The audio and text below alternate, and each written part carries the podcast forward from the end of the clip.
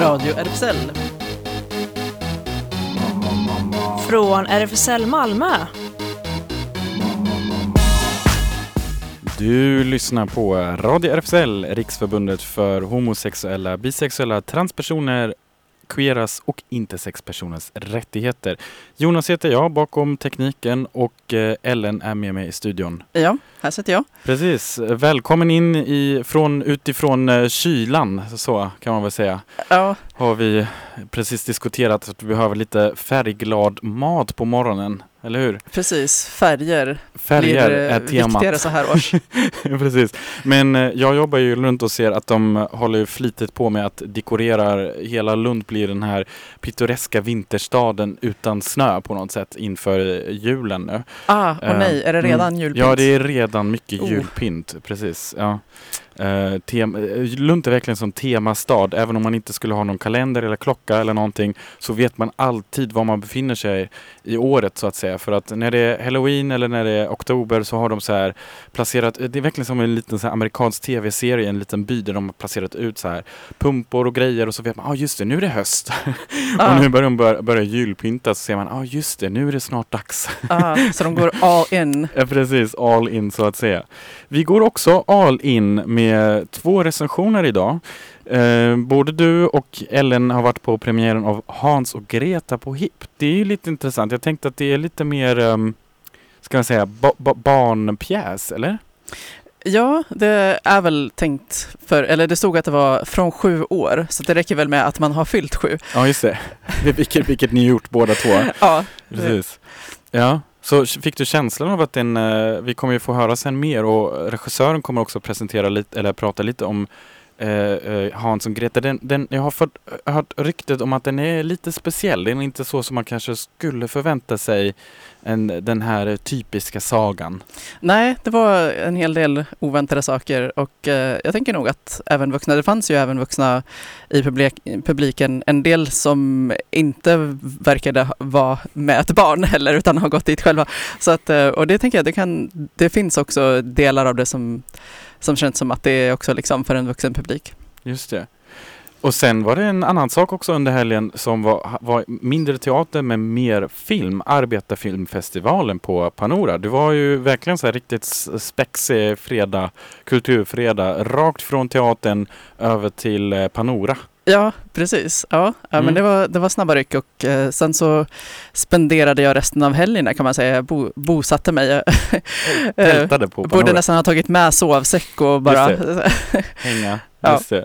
Och eh, hur många filmer har du verkligen? Men du såg inte alla filmer då? Jag eller? såg faktiskt nästan alla. Jag tror det var eh, möjligtvis en som jag inte såg. Så att det var eh, verkligen en, en dags... Ja, jag tillbringade hela, hela dagarna där, lördagen och söndagen och eh, såg dokumentär efter dokumentär. Sen var det ju pausen emellan såklart. Just det. Det var mest dokumentärfilmer alltså? Eh, ja, filmerna, alla var dokumentärfilmer och sen var det också snack. De hade workshops och de hade föreläsningar och så att det pågick saker hela tiden förutom filmen. Just det, vad kul. Ja, det, det, det är det bästa man kan göra i en sån här mörk månad att bosätta sig på en biograf, tycker jag. Ja, ja men det var, det var mysigt faktiskt. Första låten då? Kan du berätta något? Ja, jag bara råkade hitta den faktiskt och gilla eh, ja, the beat så att Just säga. det, och Todd Karl har ju faktiskt lyssnat på eh, här på radion innan tidigare och den här är I Like Boys.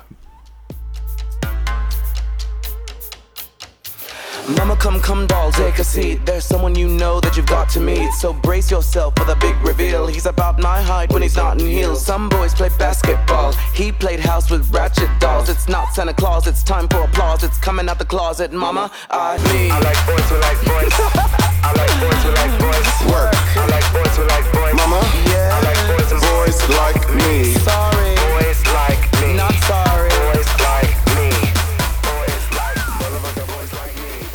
Ja, I like boys.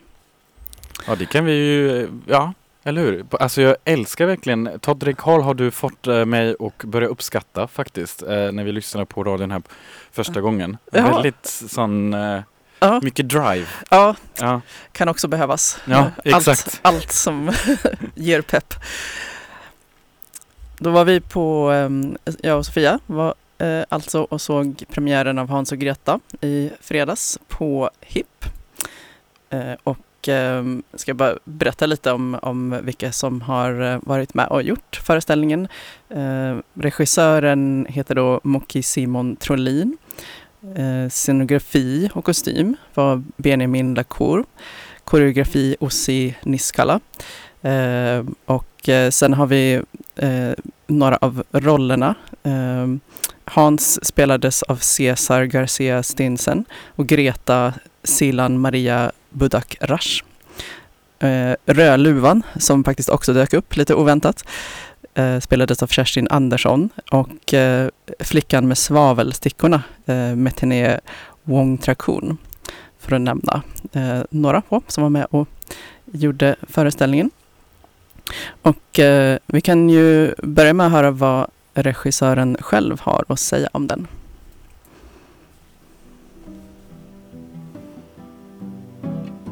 Vi har ju valt att göra en Hans och Greta som eh, ändrar lite på grundhistorien kan man säga. Som eh, tar utgångspunkt faktiskt i eh, nio barn och som börjar iscensätta Hans och Greta själva. Det gör de på ett sätt som är, skulle jag säga, ganska fritt så som barn kan berätta. Att de, de kan liksom komma på sidospår och dikta saker in i historier. Så att här berättas ju inte Hans och Greta bara eh, så som den, den brukar berättas utan de hittar liksom på saker på vägen som eh, gör det mer äventyrligt skulle jag säga. Eh, av de här nio barnen som är på scenen så är det två som blir liksom utnämnda till att leka eller spela Hans och Greta. Och här är ju Hans och Greta väldigt eh, utelämnade till eh, en, en stor värld. Så det är ju två ensamma barn som på något sätt ska söka sig eller uppnå en slags eh, gemenskap eller en försoning med eh, deras eget öde. Flickan med svavelstickorna är ju med i Hans och Greta här. Det är de ju inte egentligen utan det är ju då barnen som på något sätt hittar på att den här karaktären ska komma in. Och här blir Flickan med svavelstickorna, till skillnad från en H.C. Andersson när hon ju sitter och dör i kylan så blir hon en hjälpare för Hans och Greta. Så hon lyckas faktiskt tända svavelstickan och, och hjälpa Hans och Greta på den här resan. Den ståndaktiga tennsoldaten kommer ju också från H.C. Andersson och har ju ingenting med bröderna Grimms Hans och Greta att göra egentligen.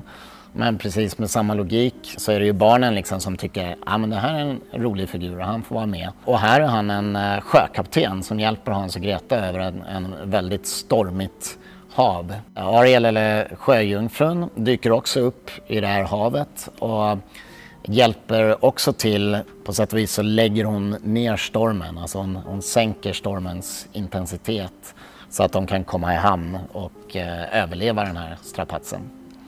Häxan eh, tycker jag påminner ganska mycket om, eh, eller både mycket och lite om den originala häxan från Hans och Greta. Eh, här är det kanske inte en, en gammal tant utan en, en lite yngre häxa men vad hon egentligen vill är ju detsamma som häxan i Hans och Greta. Det är ju att, att äta barn helt enkelt och slänga in dem i sin stora ugn. Hon påminner även om hon är en, en, en väldigt flamboyant och härlig karaktär här.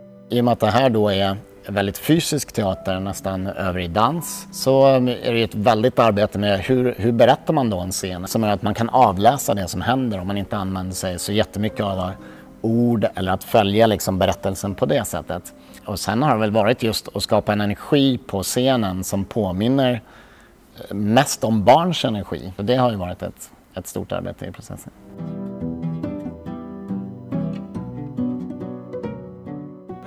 Första intryck av eh, vad vi har sett.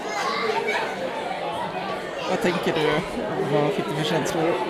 Ja, men väldigt annorlunda. Ja, Det här är en föreställning med kanske fem dialoger ja, i bästa fall. ja just det. Och det språk som finns var jag lite konfunderad över. Vad, vad tror du? Var det lite... En del, man hörde ju några s- ord som var faktiskt på existerande svenska men sen vet inte jag om de andra språken om det var så här låtsastyska, så im- imitation, låtsas italienska. Finska var det också, Ja. turkiska tror jag också det var, spanska. Ja. Det var nog de jag kunde snappa upp där. Ja, Ehm, nej men det, det är ju det är väldigt spännande form tycker jag. Dels att inte ha några riktiga dialoger. Mm. men sen också att använda sig av uttryck på andra språk. Eh, för en publik som inte är kanske fler, alltså en publik som inte har läst 12 år franska eller spanska eller vad det nu är. Eh, så det är väldigt eh, vågat att kunna använda sig av ett annat språk men också kunna göra det så tydligt för att även fast jag inte kan tyska så kunde jag ändå förstå eh, vad det handlar om. Ja, det var ju väldigt tydligt med handlingarna, vad, de, vad som hände på scen under tiden de sa saker på andra språk. Jag tänkte också att, det, att de kanske tänker att det finns en eh, blandad publik, alltså bland barnen, att det inte är självklart att deras första språk är svenska eller enda språk är svenska. Ja, Precis. Nej, men, eh, vi får ju följa då eh, Hans och Greta som har eh, en stor familj verkar det som. Eh, och som är hungriga som ska gå igenom eh, ja, skog och sen eh, den här klassiska Grimm-bröden Grimm-historien. Eh, och sen då att de kommer fram till ett hus där det bor en häxa som försöker mata dem för att hon ska äta upp dem. Och sen så kommer de på det och sen, ja, ja. kan, kanske inte vi ska säga slutet men man kan ju gissa hur det gick till. Ja, så Ehm, mycket följde det väl eh, ja. Hans och Greta men sen var det var lite annat inslängt Ja, precis. också. Och sen vet inte jag om det var en del saker som kanske var menade att vara lite sådär från modern eh, historia eller sånt som händer nu rent av också. Tänker du på båtscenen? Ja, Ja, ja, jag- tänkte också på det, den Ja, scenen. men sen fanns det ju uniformer som var kanske för 200 år sedan Ja. och möjligtvis någon historisk referens Mm. också till tiden då eh, Hans och Greta skrevs. Mm. Jag läste på nyss. Tydligen kom den ut på tyska 1812 på svenska Okej. 1825. Okej. Så ja. Jag, men jag försökte tänka på, eh, den är ju från sju år och eh, vissa delar av den hade, jag hade nog här skrämt vettet för mig men jag fick vara sju år. Ja, alltså de här vargarna var ju superläskiga. Ja, men också ja, vissa, scener när, ja, man kanske inte ska avslöja så mycket då, men eh, när de blir tillfångatagna då. Och också musiken är ganska läskig. Och, Så att eh, jag tänkte samtidigt på, undrar hur det är för, för alla, alla barn som kanske är ja, sju eller något över nu. Men jag hörde i alla fall ingen som eh, började gråta eller något. Men de, kanske är vana. Och det är därför också den här är väldigt effektfull för att den arbetar väldigt mycket med ljud, eh, med eh, ljuseffekter som gör också att det blir en viss stämning som upplevs ganska läskig ändå. Även vi som är vuxna eh, tyckte jag var lite obehagligt och maskerna och, och kostymerna och scenografin ibland. Men jag måste också säga häxans klänning. Det är ju en klänning man vill ha hemma i garderoben. Det är en, eh, en klänning med dockhuven och eh, dockben och hår. Väldigt stilfull, lite som Merlin Manson-stuk eh, på det hela skulle jag säga. Ja, så att om man nu ska passa någons barn och vill att de ska förstå med en gång vem det är som bestämmer så kan det vara rätt ut- utstyrsel. Ja, exakt. Ja, ja. Eh, skulle vi rekommendera den här till, eh, till eh, vänner med barn i, i den tänkta åldern? Tror du? Ja, men jag tror ändå det. Alltså den är, ehm, det är ju väldigt jag tror, jag tror som barn så tycker man nog det är väldigt kul och, och tacksamt. Vi sitt, satt ju i en publik fylld av barn och man hör ju, det är ganska hög... barn tror att de viskar men de, de gör ju inte det. Eh, och jag tyckte nog väldigt, många verkade vara väldigt med. Alltså teater och barn kanske folk inte har det fokuset riktigt men jag tror ändå att det är Eh, många tyckte, barn tyckte det var väldigt kul och spännande och läskigt och det som man vill att det ska vara. Ja, precis. Det var ju som att vi fick lite av en pågående recension under föreställningen. Ja, verkligen. För att barnen var väldigt engagerade. Mm. Och sen efter föreläsningen då så stod ju eh, några eh, delar av eh, ensemblen här och delade ut godis.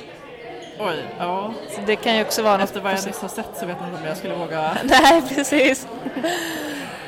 Ja. Ja, Men eh, då, då är det något att ta med barn till. Absolut. Ja, det låter ju nästan som att eh, det, det var mer ett, något sånt som barn kan ta med vuxna till också. Ja, faktiskt. Ja, men jag måste säga att en del scener de var läskiga. Alltså jag, jag vet inte om dagens sjuåringar är mer härdade för att Ellen, sju år, hade ju Ja, just det. Sprungit därifrån. därifrån. Iväg, ja, sprungit därifrån. Men vad kul, men det är också roligt det, det här som togs upp med att jag, jag gillar tanken att det är sant att barn berättar historia oftast väldigt, med väldigt utsvävande, på väldigt utsvävande sätt och glöm, tappar bort sig i berättelsen. Det känns lite som att de verkar ha lyckats med det och det är kanske är just därför också barn tyckte det var så kul att så här, hänga med i tankarna ändå. Ja, Mm. Jag tror det. det. Det är liksom, ja men många barn, ja som du säger när de själva berättar, det är inget konstigt att slänga in eh, karaktärer lite vars som helst ifrån och blanda och hitta på och liksom, det. ja. Och det, och, det- och det låtsasspråket var ingen som störde sig på heller, eller? Det var liksom hela vägen låtsasspråk. Eh, ja men det var det jag inte riktigt visste. Alltså det, svenskan som hörde, det, det var ju liksom, då hörde man alltså faktiska ord då, som jag kunde identifiera. Eh, men sen så, jag kan ju varken, alltså jag kan ju ingen tyska eller ingen, det som lät som italienska för mig, liksom jag tänker det kan också ha varit faktiska ord eller så var, eller så var det liksom, ja någon slags imitation så det, det kan inte jag, jag har inte språkkunskaperna för att avgöra. Nej. Eh, men eh, ja. Vad kul. Eh, hur länge håller den här eh, pjäsen på? Eh, oj, nu ska vi se. Jag tror att det var minst till eh, mitten på december. Så att man Så har... man har det är kanske också en sån julig grej man kan hålla på med, gå till teatern och ta med sig en jättestor god, godispåse, eller hur? Ja, jag kan tänka mig att skolklasser kommer nog boka. Just det.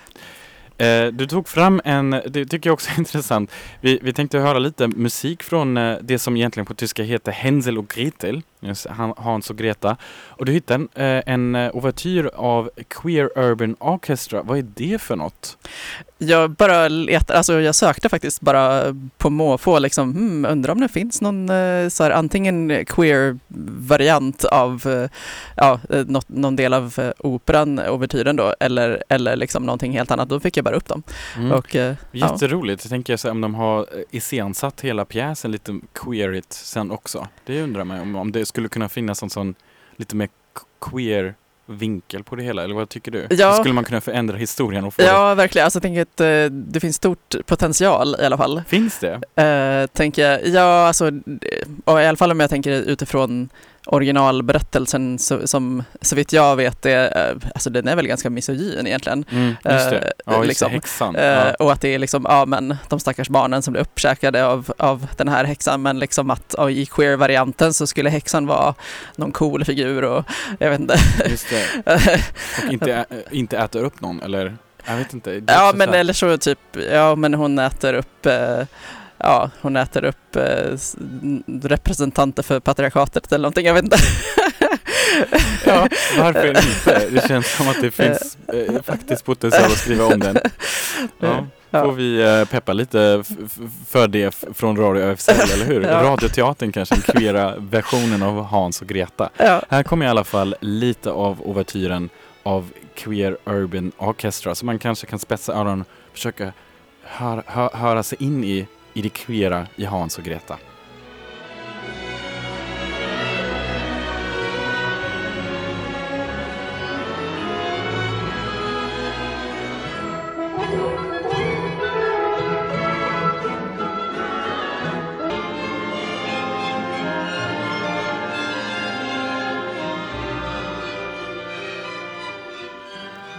Vad tror du Ellen? Hans och Greta, den queera versionen. ja, jag tror på det. Jag tror, Du tror på det? ja.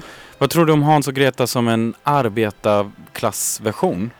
Det ligger närma, eh, nära till hans också, tänker jag. Bland annat utifrån att de, de är ju fattiga. Alltså, är det inte så i originalversionen att föräldrarna kan inte försörja dem? De, eh, eh, ja, så att eh, några måste göras av med för att det inte finns mat till alla barnen eller någonting sånt. Just och det är kanske för att ja, men föräldrarna har då inte något lönearbete eller så jobbar de häcken av sig men, men lönen räcker ändå inte till. Just det. Mm. De har skoningslösa arbetsköpare. Ja, det, det, det, det, det är den vibben man skulle kunna försöka få in där också. Du fick ju väldigt mycket av eh, hela den känslan på Arbetarfilmfestivalen i helgen. Va, vad är det för något eh, till att börja med?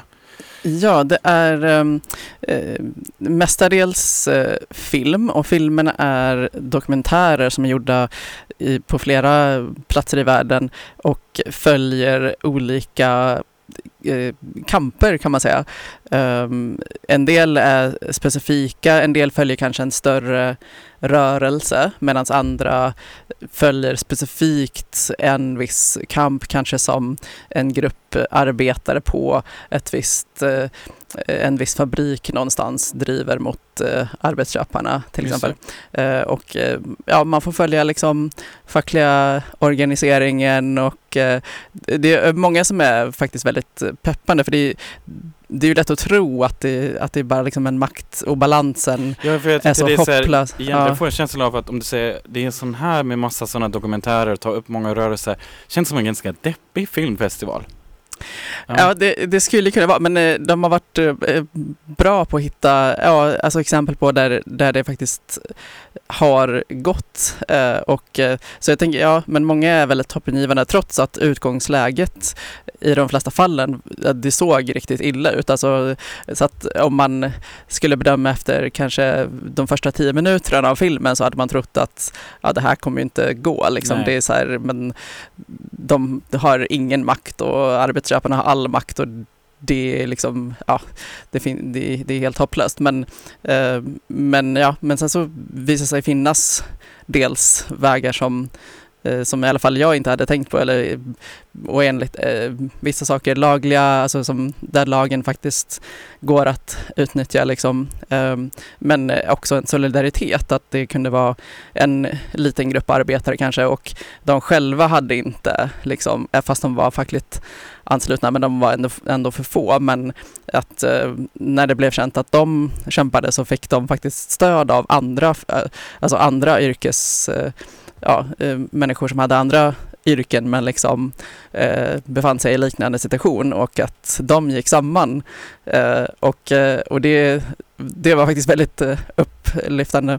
Eh, och även eh, den politiska kampen som man kan tänka ja, särskilt i USA då liksom att ja, men det är ju riggat liksom hela, alltså det, om man inte är liksom, ja, miljonär räcker inte, man måste liksom vara multimiljardär för att eh, liksom köpa sig en presidentkandidatur, liksom, annars är det bara att glömma liksom.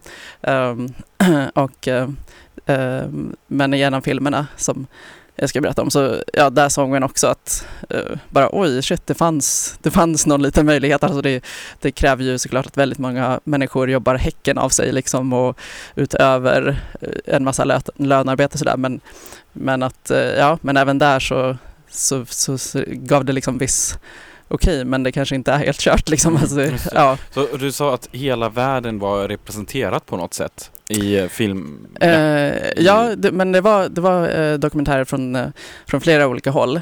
Kanske, det kan, var kanske mest Europa dock, men, men ja, det var, det var ganska varierat. En, en del från Sverige också eller? Ja, Ja. var det. Mm.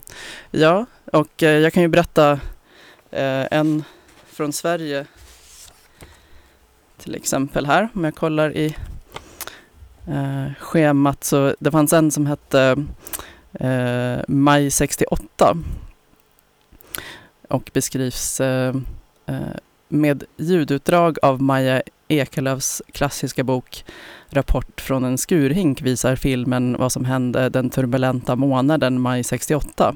Se hur studentuppror, eh, Paris, Cannes, Båstad, kårhusockupation, feminism, Biafra, Vietnamkrig vävs, vävs samman i denna stilsäkra essäfilm. Eh, ja, ehm, Hur lång var den? Inte 20 minuter eller? Nej, nej, alltså de flesta, de flesta dokumentärer var väl eh, ja, minst en timme, någon var kanske två till och med. Mm. Den här tror jag kanske var eh, ja, en och en halv timme eller så. Och eh, den eh, gillade jag mycket. Eh, de tar ju alltså från, ehm, det är liksom klipp ur, eh, ja, dels svensk television, eh, television eh, och så här film, ja, svenska filmarkiv. Och så utgår då från den här boken som är, ehm, det bygger ju alltså på den här Maja Ekelöfs, ehm, vad heter det nu? Nu tappar jag, dagbok. Just det, dagboken. Ja, Mm. eh, hon skriver, och jag tror att hon skriver, hon skriver nog varje dag under just maj 68. Hon jobbar eh, då på en fabrik under ganska, eh, ganska dystra omständigheter. Eh, men, hon, men hon har liksom hon, hon, har väldigt, hon är väldigt medveten om liksom vad som sker politiskt både i Sverige och eh, på ja, Vietnamkriget till exempel. Och, Sådär. Så att eh, jag tycker de gör, de gör ett bra jobb av att liksom, eh, man får höra liksom uppläst då, eh, vissa dagboksanteckningar och sen så, och sen så visas de här eh, film eh, ja, från arkiv eller från, från ja, det, är väl, det är väl SVT, liksom Svensk Televisions. Ehm, och eh, ja, och det var också att jag, jag kände igen, eh, ja det är lite, lite före min tid, men det är ändå så här vissa, ja, men som bussarna liksom bara, ja ah, men sådär. Eh, ja, det är vissa saker som, ja man, man tror att man kan ha glömt, men det var många grejer som jag liksom bara, oj Som men det där, tillbaka ja precis. Är, ja, ja, jag minns när en bussbiljett kostade 60 öre. Just det, ja just det, det här med öre som jag, som jag, som man idag, för, för, för folk som kom till Sverige rätt så nyligen, de förstår inte, vad är de där konstiga siffrorna som dras av mitt bankkonto? Eller hur? Är det, Ja, just det. Nu är det ju liksom virtuella öron. Ja, liksom. Det. ja. Så ja, men den eh, rekommenderar jag. Och ehm, den allra första som jag såg då på fredagen när jag stack direkt över från, eh, från HIP. Eh, den hette eh, The Hand That Feeds och den, den gav faktiskt mycket, mycket hopp skulle jag säga. Den beskrivs som på ett populärt bageri för, för boende i New Yorks Upper East Side. Bagels och kaffe serverat med ett leende dygnet runt. Men bakom kulisserna möter papperslösa migrantarbetare bristfälliga löner, farliga maskiner och chefer som kränker dem. Med, med risk för utvisning och att förlora sitt levebröd slår sig arbetarna ihop och tar det ovanliga steget att bilda sin egen oberoende fackförening. Och många av dem är ju alltså eh, migrantarbetare, papperslösa eh, då, eh, och trodde inte själva att de skulle kunna organisera sig, alltså att ens lagen tillät det, men det visar sig att det gör, att det faktiskt finns specificerat att man inte, ja, man, man kan vara papperslös och organisera sig fackligt, alltså man har laglig rätt att göra det, liksom, även, även om man anses vara illegalt vistandes i landet så ja, men man jobbar Det- ändå, man har ändå, och utifrån att man har det jobbet ändå, så har man laglig rätt att organisera sig.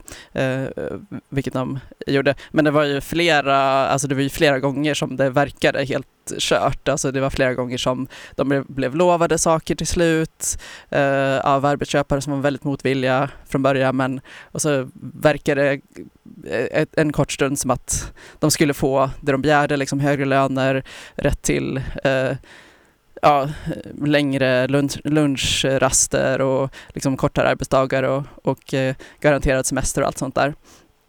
Eh, som borde vara eh, självklart. Men, men sen så eh, ja, gjorde arbetsköparna vissa försök att bara så här finta bort det i sista sekund liksom, och rycka undan mattan i sista sekund, det som de verkade ha gått med på till slut. Så det skedde i flera omgångar. Eh, men, men ja, till slut med, med hjälp av andra arbetare, bland annat några som jobbar i tunnelbana, byggde tunnelbana. Ehm, de har nog inte så bra arbetsförhållanden heller, men de, de ställer, ställer upp ihop med de här kaféanställda. Ehm, så ja, men den rekommenderar jag också om man vill liksom få en bild av att, att, det, att det ändå går. Ehm, och sen eh, en annan som, ja det här politiska då, att det, att det går att genomföra politiska eh, förändringar och att man kan liksom få ja, en politisk att man kan bli folkvald liksom, fast man inte råkar vara miljardär. Eh, så det är ehm, en, en eh, dokumentär som även visas på Netflix som man råkar ha tillgång till det. Knock down the house eh, eh, heter den. Fyra beslutsamma kvinnor som tröttnat på finanskris, sjukvårdssystem, eh, polisskjut, eh, polisskjutningar och miljöproblem. Bland annat eh, Alexandria Ocasio-Cortez utmanar pengastinna politiker un under 2018 års amerikanska kongressval. Eh, och vi kan höra lite från trailern till den. person, I would have dropped out of this race a long time ago. Crowley hasn't had a primary challenger in 14 years. He's taken $3 million per cycle. He's going to tell me I'm small, that I'm young, that I'm inexperienced. My mom cleaned houses growing up. I never really saw myself going into politics. Americans aren't asking for a lot. They're just asking for politicians to help them get by. I can do this. I know you can. Left wings, I was a broken thing. Had a voice, had a voice, but I could not sing. We're doing something very controversial. People say, How dare you mount a challenge to someone who's so established? So last sunlight have been crossed, had a voice, It's not just our family, on the road it's tonight. 30,000 families a year losing loved ones because they don't have insurance. I was not trying to become an activist. I live six minutes from Ferguson. Being a woman of color, our image is scrutinized. People in my district, this is how we look. It's such a lie. I come from a long line of coal miners. We've been collateral damage. They underestimate us. I'm running because everyday Americans deserve to be represented by everyday Americans. Ja, eh, Det låter nästan lite som en eh, f- fiktiv, alltså när, när jag själv tittar på trailern också så känns det nästan som att den, vadå, är det, det, det är nästan som en spelfilm. Ja, ja nej, men jag tycker den var väldigt eh, välgjord och eh, jag har faktiskt följt ehm, eh, Alexandria Ocasio-Cortez ett eh, tag nu och eh, ja, av allt jag har sett så så verkar hon helt grym. Alltså jag har sett henne i så här eh, congressional hearings och eh, ja, där hon eh, bara liksom manglar, alltså hon bara korsförhör eh, de här, ja men det kan vara eh, stora så här, företag, multi, ja, som har liksom eh, en, bland annat de här som äger stora eh, vad heter det, medicinföretag och liksom höjer, höjer priset av, eh, ja det kan vara vad som helst från in, liksom insulin till, eh, till ja, eh, vilka läkemedel som helst som liksom det oftast är de som behöver dem mest har, har sämst ekonomi. Liksom.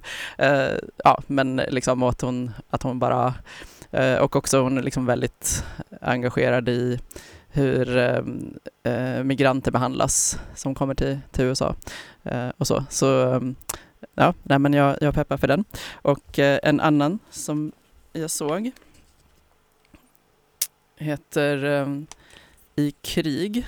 Ehm, den, eh, ja, det står att för två år sedan undertecknade Perin Industry Factory ett avtal där de bad ledande befattningshavare och arbetare att acceptera en lönesänkning för att rädda företaget i utbyte mot att skydda sina anställningar.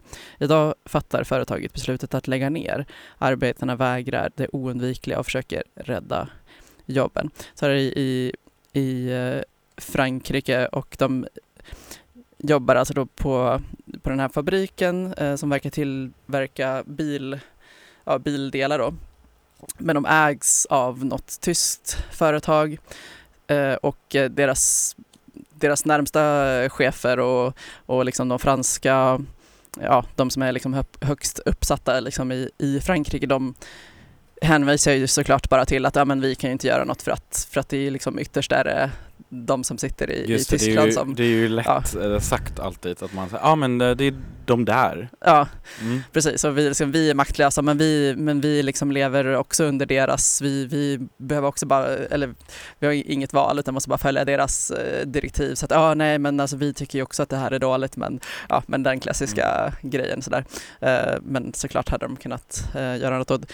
Den tycker jag var lite ovanlig i, det var länge sedan jag såg någon dokumentär, liksom när man verkligen liksom följer så länge. Liksom, alltså att det, för att man, man liksom, det är som att man, man får sitta med i de här förhandlingarna och verkligen liksom under lång tid Ah, liksom okej, följa, eh, för ofta, eh, kanske speciellt om det är en dokumentär, så, så kanske det blir liksom nedslag i Just det, eh, lite viss- ihopklippt på ett annat eh, sätt. Ja, precis. Ehm, och eh, det, ja, men jag tyckte det var, det var lite intressant, liksom det här för att för att det ger såklart en annan, sen så kanske, ja vissa skulle tycka det var jobbigt och liksom, här, man har nästan känslan av att man själv sitter liksom med i det här oändliga Exakt, mötet. men det är liksom. kanske ändamålet med det också. Eh, Ja, Men, men att man då faktiskt får se liksom en process, alltså snarare än att det bara är liksom ut, uttaget vissa delar. Som, eh, så det, eh, och det gjorde liksom att jag kom in i det faktiskt ganska mycket. Liksom jag var, ja,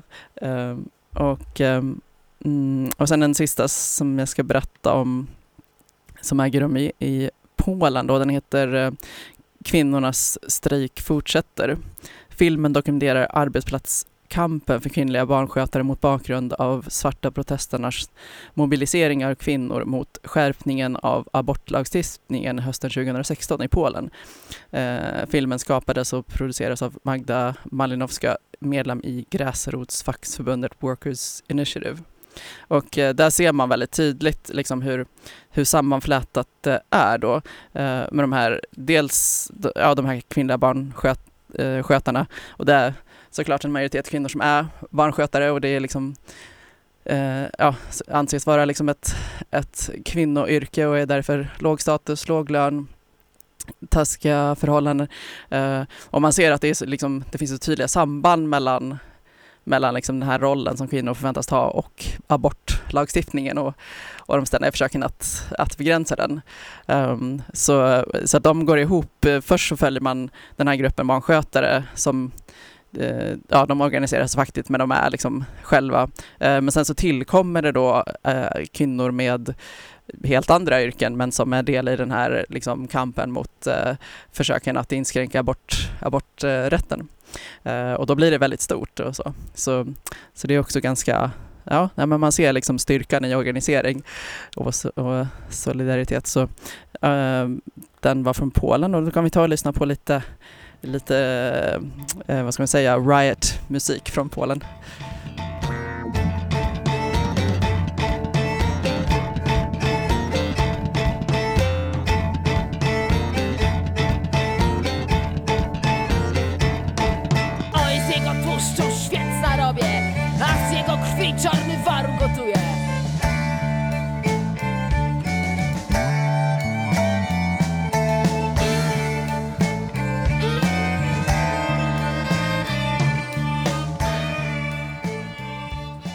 Poch Valone Tsarnivar misstänker jag på något sätt. Ja, min polska räcker inte riktigt till där. Men den låter väldigt, eh, vad ska man säga, sån, eh, sån Riot-låt, Ja. eller hur?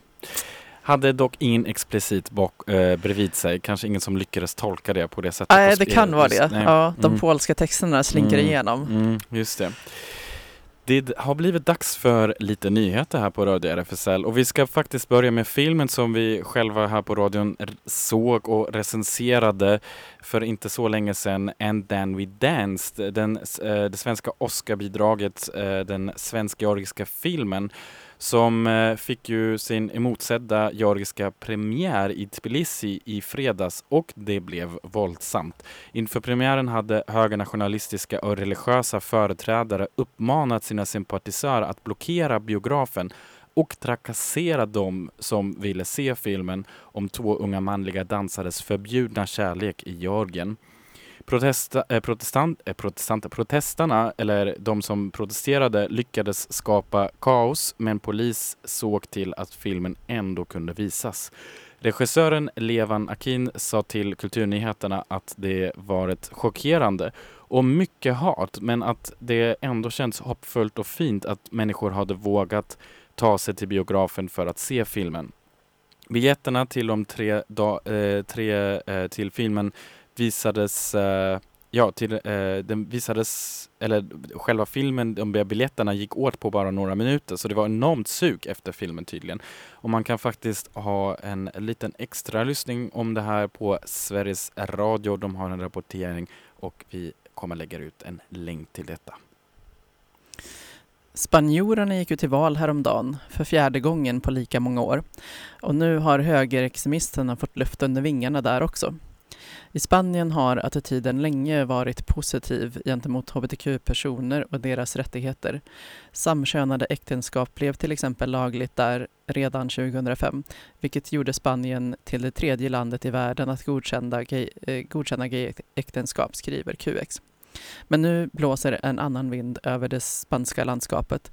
De senaste årens tumult kring den katalanska krisen har gjort att det högerextrema partiet Vox gått starkt framåt. Och partiet är inte bara total motståndare till de katalanska självständighetstankarna. Eh, det ställer sig också klart kritiskt till de införda rättigheterna för hbtq-personer. Efter gårdagens nyval står det klart att nationalistpartiet med Santiago Abascal i spetsen nu är Spaniens tredje största parti och att det sedan valet i april mer än fördubblat sina platser i underhuset. När den chilenska staten nu alltmer brutalt försöker stoppa protestdemonstrationerna är kvinnor särskilt utsatta. Nu kommer vittnesmål om att polisen och militären i skydd av undantagstillståndet utsätter kvinnor för sexualiserat våld. Vi som nu lever i Sverige kräver att den svenska regeringen som gör anspråk på att föra en feministisk utrikespolitik ställer faktiskt krav på att den chilenska regeringen sätter stopp för det statliga våldet. Det skriver flera kvinnor med chilensk bakgrund i en gemensam debattartikel i veckans nummer ETC, ETC. Läs, vi kan också länka ut till den. Under Kristdemokraternas eh, riksting i helgen i Umeå bildades en HBT-avdelning. Öppna Kristdem eh, Kristdemokrater säger sig eh, ska arbeta tillsammans med Kristdemokraterna och partiets associerade förbund för att öka kunskapen om, att, om och förbättra livsvillkoren för hbtq-personer, heter det i ett pressmeddelande. Den som ska leda KD-gruppen är Magnus Kolsjö, kristdemokrat och tidigare omstridd vice ordförande i RFSL. Han har profilerat sig på senare tid då han bland annat argumenterat emot att kommuner hissar prideflaggan och att kommuner och myndigheter inte ska gå i pridetåg. Han vill inte ha med Q i hbt-beteckningen heller. Det är en vänstersymbol. Alltså minsann. Ja, Intressant. Uh, får kanske snart klagomål här uh, för, det vi får radion och RFSL stå för också. Ja, jäkla kommunister. Just det. För andra gången gick damernas finaste pris på Fotbollsgalan Diamantbollen till Caroline Seger. Hon blev dessutom utsedd till Årets mittfältare. I ta eh, tacktalet hyllade hon både sina lagkamrater i Rosengård där hon var med om att ta SM-guld och landslaget som i år tog brons i VM. Hon tackade även sin familj och sina supportrar. Förra gången Caroline knep eh, diamantbollen var 2009. Den här veckan anordnas en internationell konferens om befolkningsfrågor i Kenya. Landets president Uhuru Kenyatta väl välkomnar konferensen men vägrar definitivt ta upp några som helst frågor om hbtq eller abort på dagordningen. Vi accepterar inget som strider mot vår kultur, säger han. Aktivistgrupper kommer ändå försöka få med frågorna under konferensen i hopp om att den klokare delen av världen ska vinna över de eh, konservativt homofobiska krafterna. Jakob Fauerby och Silas Holst skapar just nu tv-historia i Danmark när de som första samkönade par tävlar i danska versionen av Let's Dance, Vill Dance i TV2. Det har gått väldigt bra för paret hittills, lite till eh, Jakob Fauerbys överraskning. Jag gick in i det här dels för att lära mig själv att dansa bättre, men kanske främst för att visa tv-publiken att samkönad dans är helt okej. Okay. Jakob själv är skådespelare i Köpenhamn och förklarade bums när han fick frågan om att delta i eh, programmet att han gärna ställer upp om han fick en manlig professionell partner. Och programledningen sa ja sen de fått positiv respons från internationellt kända proffsdansaren Silas Holt som också tidigare medverkat i programmet. Och inom hbtq-världen ses Jakobs och Silas deltagande som ett klart framsteg även om Jakob själv vägrar att se sig som en hbtq-representant. Båda säger sig älska showen och är fast beslutna att vinna. Jakob och hans make Anders har för övrigt precis fått en dotter tillsammans med en god väninna. Förlossningen ägde rum för några eh, fredagar sedan men så pass tidigt att Jakob hann ändå till repetitionen av kvällens program.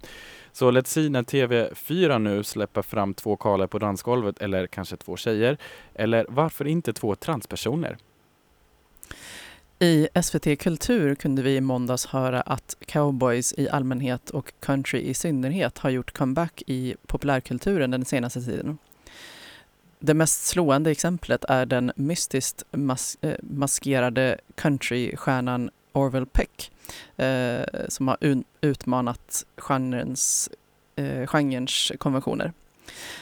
Han har Stetsonhatt, boots och Eh, barit bariton vibrato med en doft av klassiska countrygiganter, eh, fick vi höra. Och precis som genrens konventioner bjuder handlar sångerna om krossade hjärtan och ensamma nätter. Men hos Peck handlar det om kärlek cowboys emellan, drag queens och förstås de BDSM-inspirerade ansiktsmaskerna som döljer Orwell Pecks riktiga identitet. Orwell Peck är inte den första öppet homosexuella countrystjärnan eller den första att utmana genrens konventioner, men han slår igenom i en tid där cowboy-estetiken populariserats och countrygenren öppnats upp för nya intryck. Och här kommer han med Dead of Night.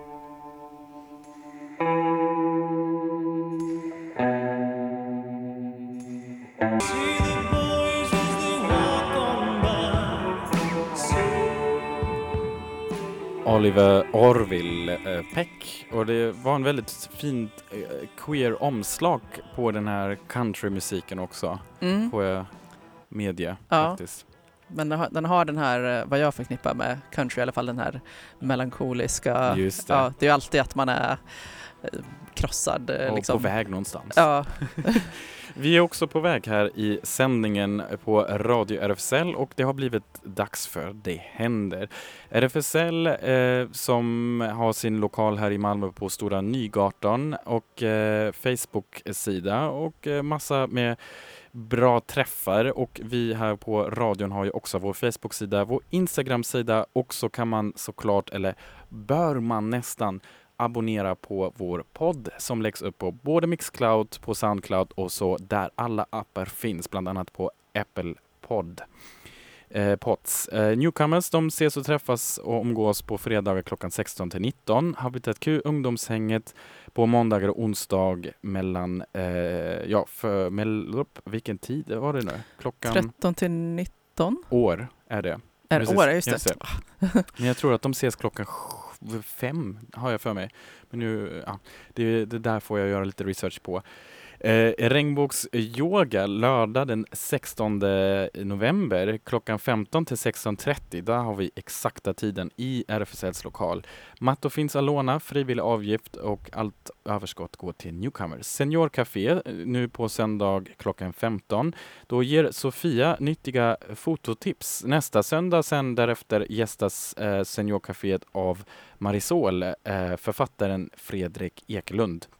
Och klubbkväll blir det faktiskt snart också den 22 veckan därefter, eh, nu nästa vecka, den 22 november mellan 19 och 21. Och Regnbågskörens julkonsert den 14 december i Sankt Maria kyrka kan man redan förboka. Eller boka in sig menar jag, i sin kalender. SLM Malmö håller till på Sällarupsvägen 30. Det är eh, medlemsklubb bara för män. Lördagar är det klubbkväll, vanlig klädkod, insläpp 22 till 24 och tisdagar pub, insläpp 20 till 22, gratis för medlemmar och ingen klädkod. Malmö Meetup ikväll 19.30 direkt efter radion på Azalea restaurang, pub och kasino på Klasgatan 8 i Malmö. Säsongen är officiellt igång och eh, nu eh, är det dags igen för queerhäng för att mysa, samtala eller sjunga karaoke om man då får, rikt får riktig feeling. Um, och uh, som vanligt kan man läsa en detaljerad beskrivning på Facebook-eventet med utgångspunkten är att uh, du är eller har erfarenhet som kvinna eller icke-binär och har en sexualitet där kvinnor och icke-binära ingår. Uh, så då är det bäst att man klickar på Facebook-eventet att man kommer och om man då garanterat dyker upp för att man ska kunna reservera, hinna reservera ett ungefärligt antal sittplatser i förväg. Mm. Och jag kan rekommendera, jag var där för två veckor sedan och de börjar ju halv åtta men karaoken sätter inte igång förrän halv tio så att man har två timmar minst där, där det faktiskt går att höra vad man säger. Just det. Eh, det går att lära känna folk. Imorgon är det Keynote Lecture In But Not of the Academy eh, på eh, Edens hörstal, eh, Paradisgatan 5H i Lund. Eh, och det är alltså eh, höstens Crip and Queer eh, seminarie, ja, seminarieserie som det här är del i. Eh, och eh, det står bland annat att ja, In but not of the Academy Exploring Invisibility as a Tactic for Trans Studies eh, som presenteras av eh, eh, Zäta Nicolasso, står det. Um, eh, ja, doktor Z Nicolasso. Mm, ja, och Ja. man kan läsa närmare eh, i detalj vad, vad den föreläsningen kommer att handla om. Vi lägger ut lä- eh, länk till det också, men det var alltså 13.15 till eh, 15.00 i, eh, i Lund. Då. Ecce Homo, se människan, lördag den 16 november klockan 15 i Sankt Pauli kyrka. Panelsamtal om Elisabeth Olsson Wallins fotoutställning Ecce Homo från 1998. Behövs bilderna idag? Delar av utställningen visas där faktiskt klockan 16.15. Eh, eh, se människan blir det då i Malmö och ett författarsamtal om mörker och våld, om hopp och framtid och då deltag, eh, deltar Tuulikki Koivunen Bylund, före detta biskop eh, och eh, också här Marisol M. eh, Fredrik, författaren Fredrik Ekelund och författaren eh, Gabriella Åkerlund och några andra stycken också. Och på Malmöoperan eh, blir det Mozarts Requiem.